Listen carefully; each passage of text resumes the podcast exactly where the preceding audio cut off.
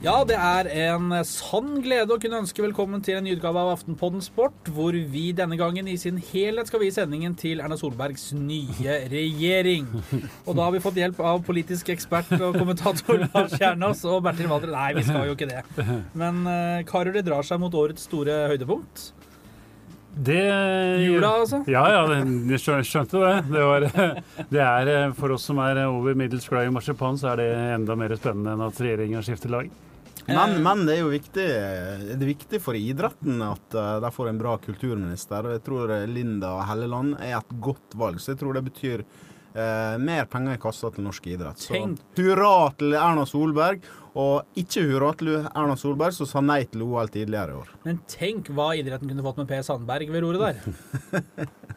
ja, kanskje. Vi lar den ligge. Eh, velkommen til førjulssending fra et iskaldt og Oslo uten fnugg av snø, men eh, Langrenns- og håndballekspert Lars Kjernås, er du i rute? ja, jeg er i rute for stadig nye titler her, og det bøyer jeg meg selvfølgelig i ærbødighet overfor. Og Bertil, du har kommet deg Eller er du fortsatt et fast innslag på Storosenteret nå med blemmer i hendene og glødende mastercard fortsatt? ja, ja, så jeg har brent Jeg klarer ikke å ta et kort lenger, for det er glødende. Så nei da, eh, alt er unnagjort. Nå er det bare å eh, legge seg nedpå, senke skuldrene og gjøre seg klar til jul. Nydelig. Eh, før vi begynner, så må vi kåre en eh, vinner. For forrige uke, Lars, hadde du en, en uh, quiz her. Du kan jo gjenta spørsmålet. Hvem tok Norges aller første seier i World Cup i hopp? Vi har nå vunnet 100, så spørsmålet var da hvem som tok nummer én. Vi hadde jo, vi må si det før du avslører svaret, at Bertil holdt jo på å revne her, for han hadde lyst til å si det. Eh, du, skal, kan, du, kan, få si det etterpå. Nei, nå eh, jeg fikk ikke lov sist, så da kan jeg like gjerne bare la være. Jeg tippa jo når vi hadde gått av lufta her, at det var Torleif Enger. Jeg tenkte selvfølgelig på legenden Torleif Engan, men Enger var det ikke. Det var ikke Torleif Enger, ikke Pål Enger, men det var Tom Christiansen fra Norges aller, aller ypperste klubb, nemlig Årvoll. Eh, og året var Året var 1980. Da var jeg ikke født, så da er det kanskje greit at jeg ikke visste det. Da. men det er svakt allikevel. Men du har hørt om Roger Ruud? Uh, Rogerud, var, han, uh, var det han tennis Nei, var, ja. ja. jeg hørte om Roger. Ja, det er bra, det. Den Rogeren. Vinneren, Frode Myklebust i Trondheim. Vi gratulerer. Pepperkaker og julekort er på vei nordover. Nok fjas, vi sveiver i gang. Uh, det var jo lite som minna om førjulskos her da han iren Conor McGregor i løpet av 13 sekunder klinte ned han brasilianeren José Aldo i den eh, vakre og eh, stilfulle sporten MMA i helgen. 13 sekunder eh, så fikk Aldo Gardina, og McGregor vant. Åssen står det til med MMA-ekspertisen hos Kjernås? Den er i prosentvis andel nær null. Veldig nær null. Slåssing i bur. I hvert fall slåssing gjorde jeg meg stort sett ferdig med på ungdomsskolen på Årvoll. Og slåssing i bur har jeg aldri vært uh, borti. Så det er faktisk min uh, nabo og venn Valderhaugs uh, spesialitet. Valders, vær så god. Jeg har til og med vært i ringen med norgesmesteren i kickboksing, så det vet jeg alt om. Det var som å møte to trommestikker som kom foran meg, og i alle retninger fikk bank. Men jeg, jeg var tidlig oppe på søndagsmorgenen. Jeg sto ikke opp for å se det direkte, men jeg har den TV2 Sumo, så jeg kunne sitte og spole fram til kampen. Og heldigvis så traff jeg på sekundet slik at kampen starta, og 13 eh, sekunder senere så var det over. Um, jeg syns det, det, er MMA, mixed martial arts, heter det da, Lars. For, for, eh, for, for dem som, ja. for dem som er spesielt interessert. Nei, men det er jo en miks av mange forskjellige um, uh, kampsporter der man skal se hva som fungerer best. Og han Irne, han er, han er kul. Jeg syns det Syns det er gøy å se på. Eh, og så har jeg forstått på TV 2 som sendte det, at det, eh, det, var veldig mange ungdommer som så på det her. Så det vi, vi, som sitter her og eh, begynner å nærme oss eh, å være utgått på dato. Vi, eh, vi, vi skal ikke vi, Det er ikke vi som skal sitte og dømme det her. Det er sånn som ungdommen liker. Så man, ja, det er jo, det er jo flott, ja. det er flott, ja. Så, men 13 sekunder, det var kjapt. Men det er akkurat ett sekund seinere enn det Ole Lukkøy gjorde i 1996, da han boksa i uh, Charlton-området i London mot en som heter så mye som Ja, hva var det han hette, da? Eh, Luan Morena. Og da var Valderhaug på tribunen. På jobb, da vel? Ja. Eh, og det som var litt spesielt for meg, da det, jeg, var, jeg var på EM i fotball og ble sendt av gårde ned i eh, Sør-London for å se på kampen. Så jeg, før kampen var jeg i god tid der. Det var inne i en gymsal. Eh, før kampen så var det liksom Det var på én side av ringen, det var tribune. Og så var det bare stoler alle andre steder. Så jeg satt meg på rad to der det var stoler. Så rett før kampen, så, eh, og da bokseren kom inn, så, så, eh, så røyser det opp tre-fire fotografer foran meg. Så tenkte jeg jeg tar jeg bagen min, så går jeg opp på tribunen og setter meg der, for det var veldig få folk der inne. Så eh, når, da, når kampen starter sånn cirka, eh, og jeg går opp på tribunen, så når jeg setter meg ned på tribunen, så står dommeren og veiver med hendene. Nå var kampen over. Så jeg så ingenting. Tolv sekunder, tre slag. Eh, så myten om at han møtte sånne avdanka fylle sjømenn, den eh, slo til. Og det som var spesielt etterpå, det var da jeg kom og skulle intervjue han, aldri snakka med Ole Lukkøy før. Og heller aldri truffet faren, Jon Klemetsen. Han, han, Følelsesmennesker og han kom levde vel i de. løpende mot meg og ga meg tidenes bjørnklem og sa 'Var det ikke fantastisk?' så jeg bare tenkte på 'Hvem tror du er?' Nei, Han bare syntes det var helt utrolig bra. Så, så da, da Disse her eh, Klemetsen-klanen, de hadde jeg veldig sans for. Jeg syns det var gøy. De berika norsk idrett. Det er synd ikke vi har eh, boksere med samme karisma nå. Men saken ble bra, eller? Saken var, eh, det var rekord, verdensrekord. Eh, Dette her er jo da faktisk tolv sekunder. Det er jo da eh, 18 sekunder bedre enn rekorden til knockout-kongen Mike Tyson, Mm. som i 86 brukte 30 sekunder på å slå eh, Marvin Frazier. Og da har jeg dokumentert nok kunnskap om boksing og kampsport til at vi kan ta neste tema. Har du da, bare før du nå, nå ser jeg at Lars vil til ordet her òg, men, eh, men Bertil, har du nå tømt Store norske leksikon for bokseinfo? Å nei, men dette her, det sitter, vet du. det, endelig så får jeg bruk for eh, å være litt sånn halvautistisk på eh, idrett og sånt, så det er greit. Slåss hjemme Lars Kjernås, hva Nei, jeg skulle ikke si noe om slåssing, men jeg skulle si at det eneste jeg har til felles med den historien til Bertil, er at jeg også har blitt, uh, fått en bamseklem av en, uh, en far. Og det var faren til John Carew etter en uh, cupkamp med, med Vålerenga, uten at jeg hadde sett den på forhånd. Og han er jo, for de som ikke har sett faren til John, så er han da dobbeltgjengeren til Pelé. Og i de første fem sekundene så, så var jeg faktisk i, levde i eh, fullstendig skyene i den, uh, i den villfarelse at Pelé faktisk hadde storma ut på banen og gitt meg, en, gitt meg en god klem på Bislett. Og da, i legendesammenheng, så må jeg fortelle om da jeg møtte Frans Beckenbauer under eh, VM-trekninga i 1997. Før Norge Vi dro ned til Marseille, det var VM-trekning. Og så kommer jeg inn i salen, der det var fullt av sånne vipper og sånt. Der jeg står ute og jeg skulle snakke med Frode Grode, som var tatt ut på verdenslaget. Så ser Beckham var med, så kommer Beckham var bort og sier 'Hello, how are you?' Bort med. Og jeg bare sier 'Yes, I'm fine. How are you?' Yes, eh, og tenker, og da begynte jeg å lure på hvem var det han trodde jeg var. Det er dagens gåte. Å, nydelig. Dagens quiz. Hvem trodde Frans Beckenbauer at Bertil Valderhaug fra Skarbøvika var? Eh, vi kan avsløre svaret og eh, kåre vinner i neste ukes julespesial. Så god var jeg ikke. Nei, med all respekt. Ute på da- høyre flanke for Skarbevik, så god var jeg ikke. Det jeg skal kan, kanskje, skal jeg kanskje ta en litt sånn pinlig seanse når jeg møtte Manuel Neuer, da kanskje. Det Ja. er jo ett år siden i Monaco i forbindelse med eh, kåringen av Ballon d'Or, er det vel? Eller eh, årets spiller i Europa. Ja, det var i hvert fall en kåring. Jeg og kollega Erlend Nesje var der nede. Nesje da eh, i sine italienske dresser med hodet i blikket jobba for å få tak i noen av intervjue. Eh, ble stående vel, hvis jeg ikke husker helt feil, å snakke med Arjen Robben. Eh, og da kom jo Manuel Neuer gående, da. Ehm, og så sto han litt sånn aleine, og så sto jeg litt aleine, og så da ble det jo sånn Hello. Ja, hello, svarte Neuer. Altså, yes, are you nervous? Eh, maybe, yes. Det var det. Det var særdeles pinlig og dryppende innpappa i eh, Grimaldi Forum i Monaco. Du fikk jeg dobbeltside ut av det, eller? Det, Det var som vanlig. Fikk en notis, vel. Spinn på det.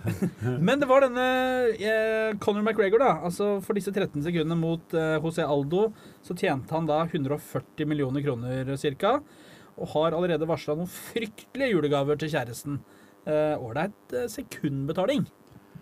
Det er det, men han fikk sikkert relativt ålreit sekundbetaling, han som uh, fikk uh, et lite opphold på sykehuset og et uh, stort uh, kuppelu uh, tenker jeg. Så det er vel en fordel at du vinner de kampene, sjøl uansett hvor mange millioner du får. For det, det ser relativt brutalt ut å tape dem. Men Det da, er, jo, det er jo uten hansker, så det smeller bra eh, på underkjeven han traff, Han traff jo skikkelig så du så eh, eh, Du så fuglene forsvant mellom øynene på og han ramla ned, og så slo han han to ganger til når han Ja, lå nede. det Det var ganske ganske brutalt. Ja. ja, altså, for, bare si det for min del, da. Jeg syns det er helt sjukt. Altså, men jeg klarer kanskje ikke helt å skille slåssinga fra sporten.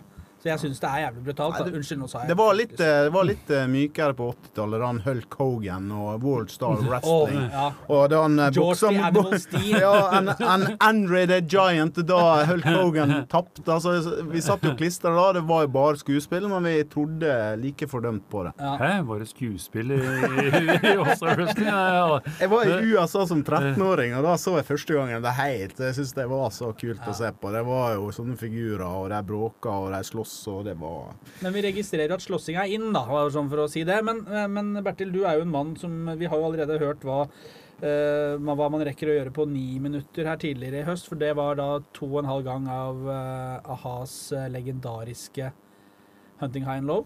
Mm. Uh, hva rekker man å gjøre på 13 sekunder? altfor lite. det er svaret. Ja, du har ikke noe Hvilke, hvilke eksempler? Nei, du? rekker i hvert fall ikke å røyse deg opp eh, en- eh, ved en boksering og gå opp på tribunen. Nei. Nei.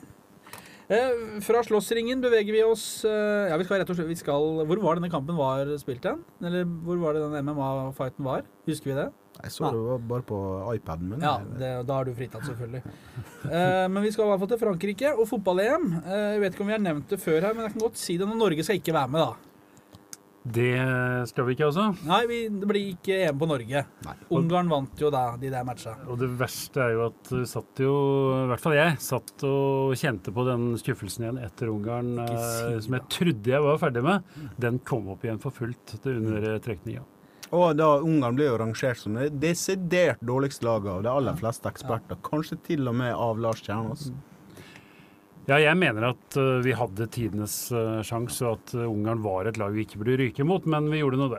Åh, la oss slutte å snakke om det. Vi blir blir dårlig humør, bare altså. irritert igjen. Men i helgen altså ble eh, mesterskap, eh, gruppene til mesterskapet trukket. Eh, Det er under et halvt år til åpningskampen på Stade de France mellom eh, Frankrike og Romania. Jeg vet ikke om vi sånn bare Hvis folk vil ha det, så kan vi dra gjennom gruppene, da. Frankrike, Sveits, Romania, Albania. England, Russland, Slovakia, Wales. Tyskland, Ukraina, Polen, Nord-Irland. Spania, Kroatia, Tsjekkia, Tyrkia. Belgia, Italia, Sverige, Irland. Portugal, Østerrike, Ungarn og Island. Hva er de store bokstavene hos dere fra trekningen? For meg så er det at det laget jeg endelig holder med, de fikk en ganske gunstig trekning. Nå har jeg sittet i en del mesterskap uten å ha noe sånn stort favorittlag. Det, vi holdt jo alltid med et lag da vi vokste opp. Laget mitt var Vest-Tyskland. I det siste har jeg stort sett heia på fotball. Nå heier jeg på Island. Ja. Det, det er ikke noe tvil om. Det er mange grunner eh, til. Jeg heier stort sett nesten alltid på underdogen. Lars Lagerbäck eh, er en god grunn, for jeg kjenner han relativt godt. Og Samme navn. ja, og samme navn, selvfølgelig. Og Island fikk en, en gunstig trekning. De fikk omtrent den beste trekninga de kunne ha fått, og har en, en OK mulighet faktisk til å gå videre fra den gruppa. Bertil, hva sitter du igjen med etter trekningen?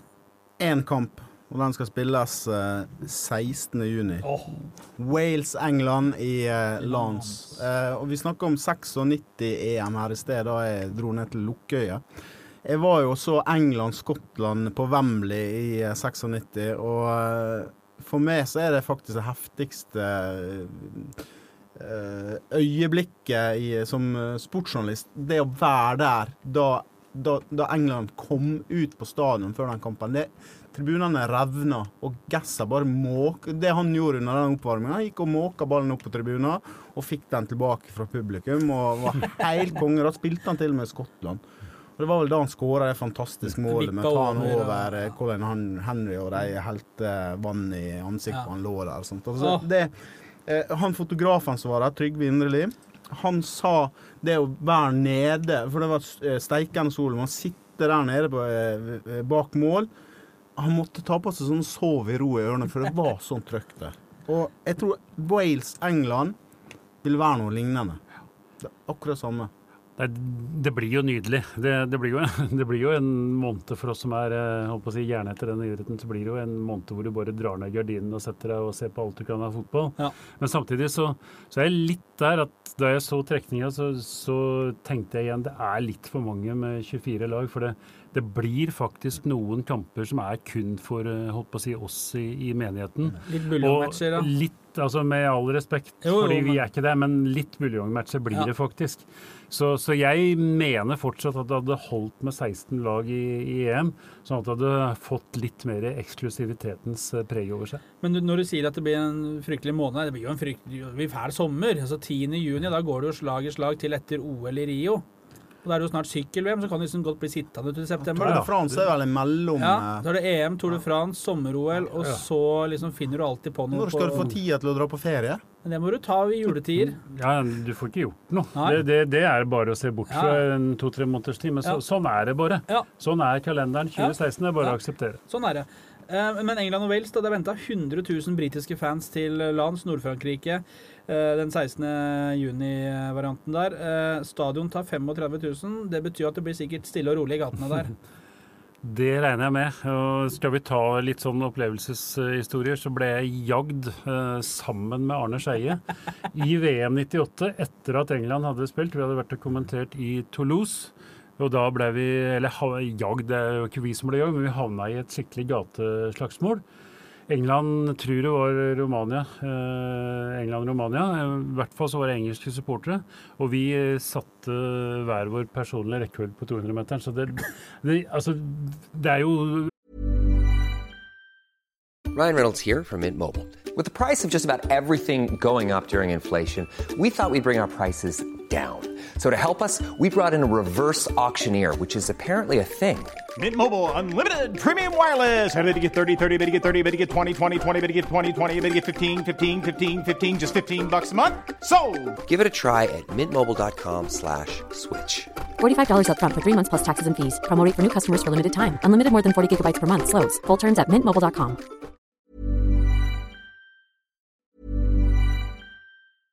Ryan Reynolds here from Mint Mobile. With the price of just about everything going up during inflation, we thought we'd bring our prices down. So to help us, we brought in a reverse auctioneer, which is apparently a thing.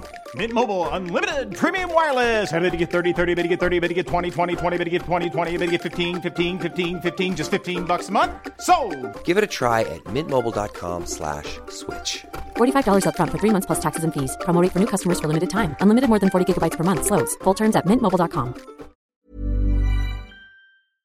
en del idioter som drar òg, for å si det litt uh, Rekorden var 35 sekunder? Ja, rundt 35 sekunder på, på sitt beste på en, på en god dag. Men, men, men, idiotene bør helst nektes utreise ved, ved Dover. Eh, og det er jo da én time cirka fra Calais, da, på andre sida av kanalen. Dover-Calais. Det er en fryktelig sterk sang. Christa Sonnelin, er det? Ja, er det ikke det? Jo, ja, Nærme det oss land Det er en fryktelig låt, altså. Ja. Den har fatter'n spilt Han var i hvert fall god for 20 år siden. Ja, det er ålreit, denne den på sommeren. Én uh, time da, fra Calais til uh, landskirka. Altså, du kan jo tenke, altså, tenk å være matematiker for å skjønne at her blir det fryktelig overfart. Uh, men Sverige, da. De skal jo, altså Apropos sånn, Sverige og supportere og at vi er skuffa og sånn. De skal jo ha, jeg kikka Aftonbladet hadde en sak som jeg, jeg kikka på her. De skal ha basen sin eh, ved Middelhavet, nede på Rivieraen, litt vest for Uh, hva heter alt det der? Kanantiba, ja, litt vest ja. nedi der. Der er det venta 10 000 svensker, har en egen resort. Kort avstand til Toulouse og Nis hvor de skal spille matcha. Altså, nå, ble, nå, ble, jeg dårlig igjen, Men Sverige, hva tror vi? De var uheldige med trekninga. De havna i dødens ja. gruppe, for å bruke et litt forslitt eh, begrep. Og de skal slite massivt med å gå videre, nesten uansett hva Zlatan presterer. Belgia og Italia, det ja, altså Belgia har jo toppa Fifa-rankinga. Si hva du vil om Fifa-rankinga, men Belgia, hvis de får alle spillerne sine skadefri, så er de for gode for Sverige. Og Italia er verdens beste lag til å få akkurat det resultatet de ønsker seg. Bestemmer de seg for å vinne 1-0, så vinner Italia 1-0 nesten stort sett, som er regelen. Sverige uten Zlatan er jo som uh, gin tonic uten gin. Altså, han, uh, altså, det, det er Zlatan, og så er det en gjeng med grovarbeidere. Knapt nok det. Bort, ja, jeg er enig i det, bortsett fra at de får opp en, en, veldig spennende generasjon som kommer til å bli god i neste mesterskap. Den gjengen som vant U21-EM, mm. de kommer til å bli veldig gode, men jeg tror det er litt for tidlig for dem. Eh, nå, nå har vi snakka mye om trekning, men vi får gå videre til neste trekning. eh, og etter det skal vi ta lottotallet til helga. men det har vært trekning i åttendelsfinale i uh, Champions League. Um, er det noen ålreite oppgjør i vente der òg? Det blir nydelig, det. det. Det er i hvert fall ikke noen som kan mistenke for Uefa for varme og kalde kuler lenger. For der trakk storlagene andre storlag, mens de litt mindre store lagene trakk de mindre store lagene. Og det, altså PSG, Chelsea, Barcelona, Arsenal og eh, hva, er den tredje? Juventus, Bayern, Juventus Bayern, ikke minst. Og Roma Real eh, Madrid da, for å ta med den fjerde. her. ja, Roma Real Madrid, det, det blir Ah! rett og slett Det blir vakkert, det. Og da kan de angre igjen. Eh, en av kjepphestene mine. Hvorfor i all verden spiller ikke kampene sine på forskjellige tidspunkter den kvelden? Ja. Sånn at vi får sett begge direkte. Det, er, det skjønner jeg fortsatt ikke. Men- Hvorfor ikke kan spille én kamp klokka sju og den andre kvart over ni, f.eks. Ja.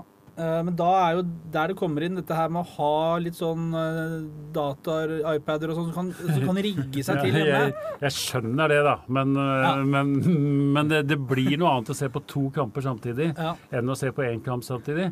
Og så er det jo klin umulig å ikke få greie på resultatet i dagens samfunn. Og før så kunne du jo sette deg ned så mm, kunne du se på en kamp etterpå uten å vite resultatet. Nå er det alltid en eller annen luring som greier via en eller annen kanal og informerer om hvordan det har gått. Og da blir det ikke det samme. Og vi er jo alle på Twitter, og det er jo livsfarlig når det er noe du går og gleder deg til. Enten en løsning på Eller tekstmeldinger. Hvis favorittlaget ditt taper, så hamrer det inn med ja. Alle har en idiot som liker å sende melding. Ja, ja. Eh, og, og det som er kult, er jo at nå begynner storlagene å ryke ut. Du får liksom den der, alltid den der sinnssykt spennende andrematchen. Uh, går det an å spå hvem som står i fare for å ryke ut allerede i åttendelsen nå? Jeg tror Barcelona og Arsenal blir jevnere enn øh, det mange tipper. Selv om Barcelona på sitt beste er helt umulig å ha med å gjøre, så tror jeg det, jeg tror det blir jevnt. Jeg sier, drister meg til 60-40 bare Barcelona, kanskje til og med 55-45. Litt av samme med Bayern Juventus. For to måneder siden så, var, så Juventus ikke ut som et fotballag i det hele tatt. Nå har de vunnet seks på rad og begynner å ligne seg sjøl. Jeg tipper 60-40, 55-45 til Bayern der òg. Men jeg tror jo Bayern og Barcelona går videre. Og PSG-Chelsea har jeg 50-50. Der er De har slått ut De, for, de møtes nå for tredje år på rad. Har vunnet hver sin gang bare på bortemål. Jeg tror det blir så jevnt nå også.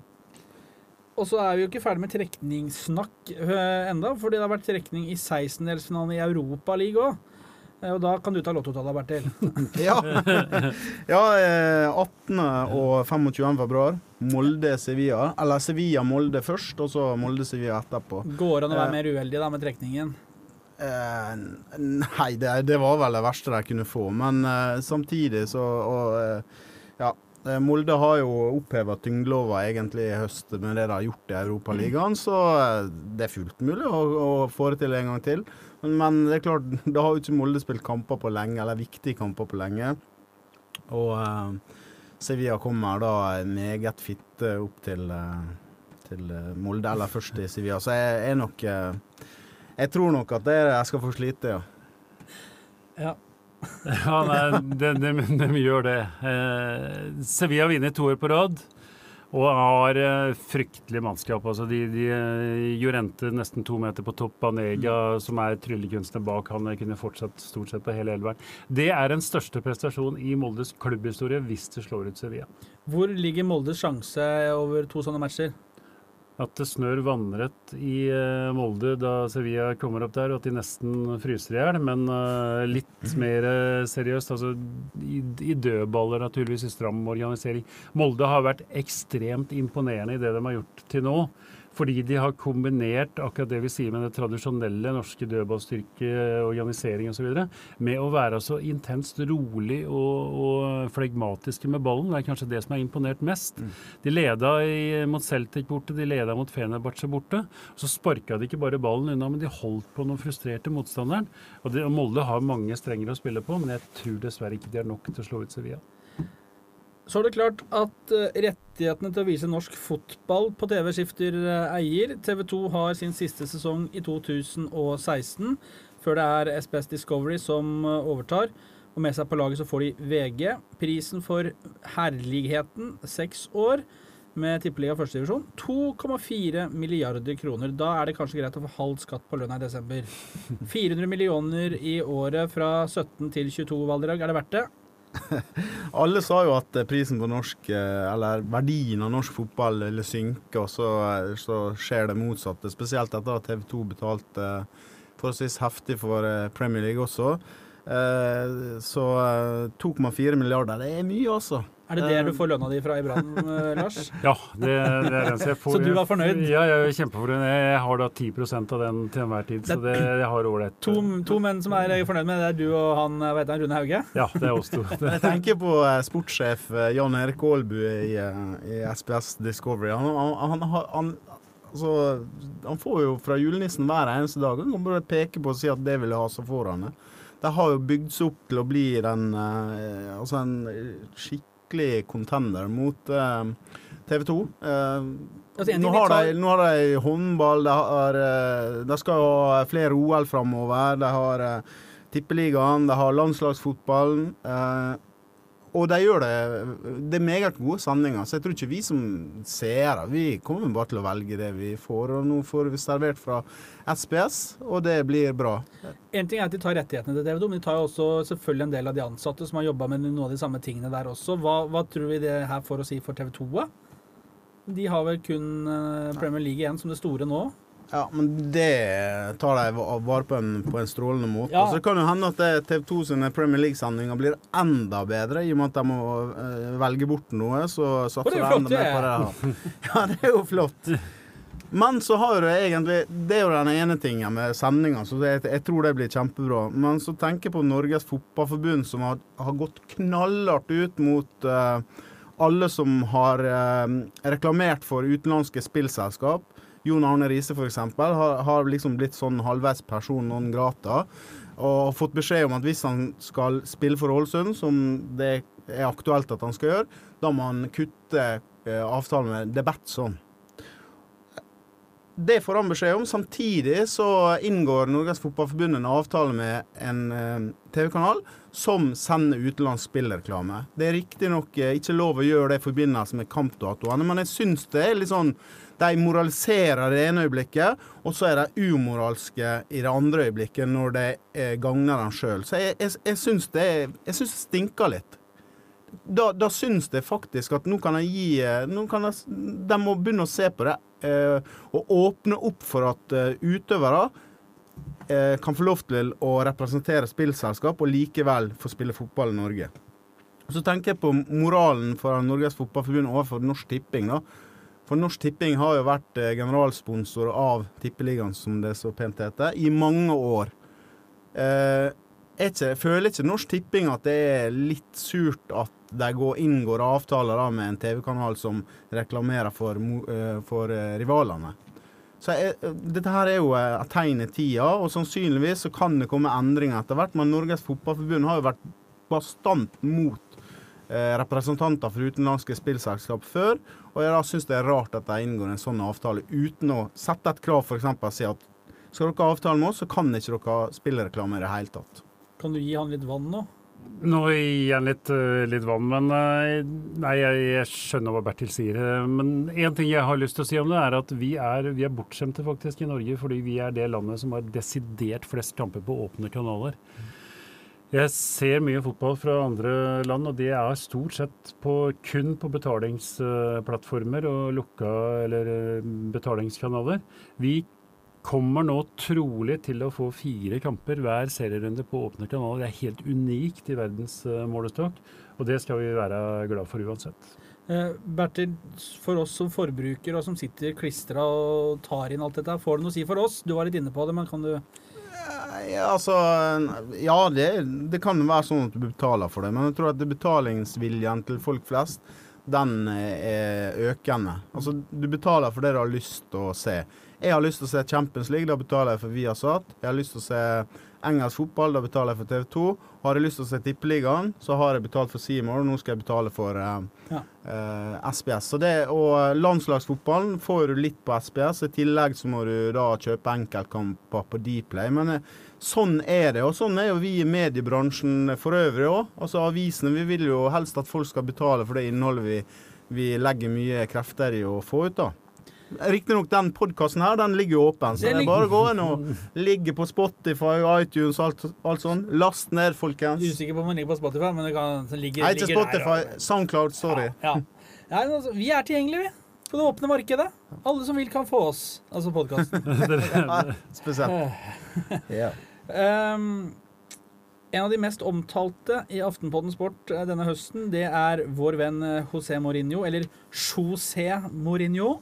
Eh, vi kommer ikke utenom han denne gangen heller. Eh, for mandag så ble det tap for Leicester, ligalederen. Altså Leicester, ligalederen.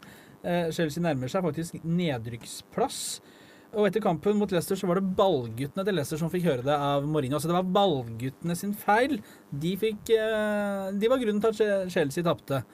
Eh, er det sånn? Var det de som ødela? Jeg, jeg, jeg fikk ikke det med meg. Altså, jeg så matchen. Nei, jeg sliter også litt med å se det. Det, altså det er selvfølgelig rent visvas. Og du trenger en, en uh, syndebukk, og Mourinho peker nå på ballgutta.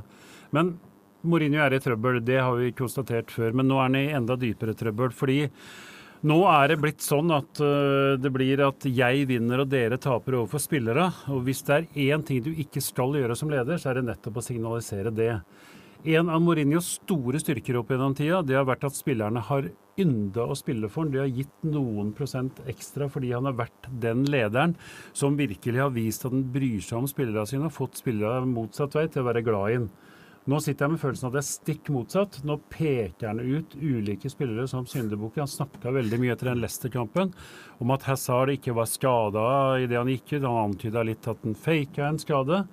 Han snakka om at spillere ikke må tro at de er stjerner, de er på høyde med Watford osv. osv. Nå sitter han og setter opp spillere mot seg sjøl.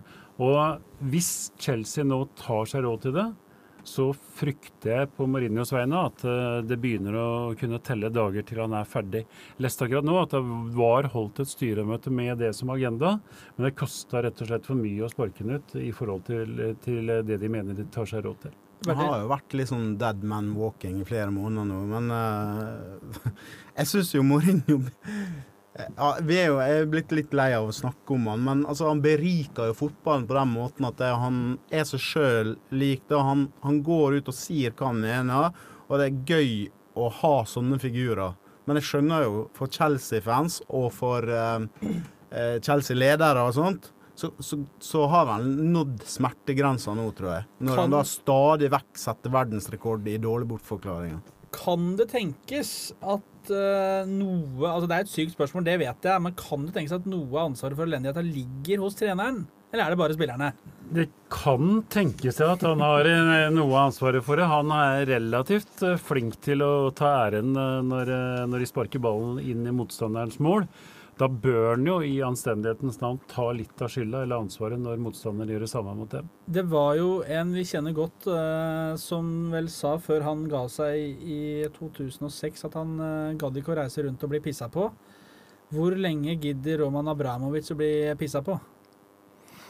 Jeg tror ikke det lenge. Eh, alt tilsier at han skyter fra hofta når, når ting eh, butter. Det har han gjort så mange ganger at jeg ser ikke noen grunn til at han ikke skal gjøre det nå heller. Bortsett fra at det kommer til å koste han enormt mange rubler.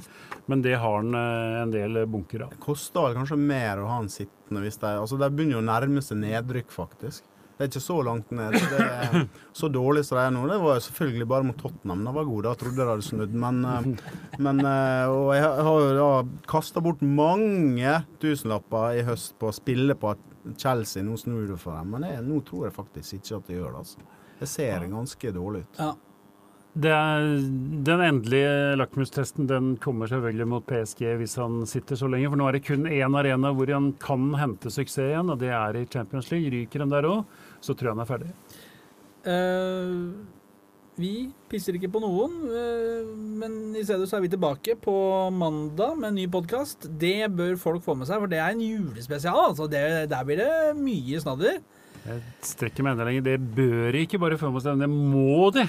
Årets julegave. Årets julegave. Det er gaver fra guttene i studio! eh, mandag julepodkast spesial, hvor vi skal oppsummere sportsåret 2015 og dele ut en og annen pris. Eh, vi høres eh, da.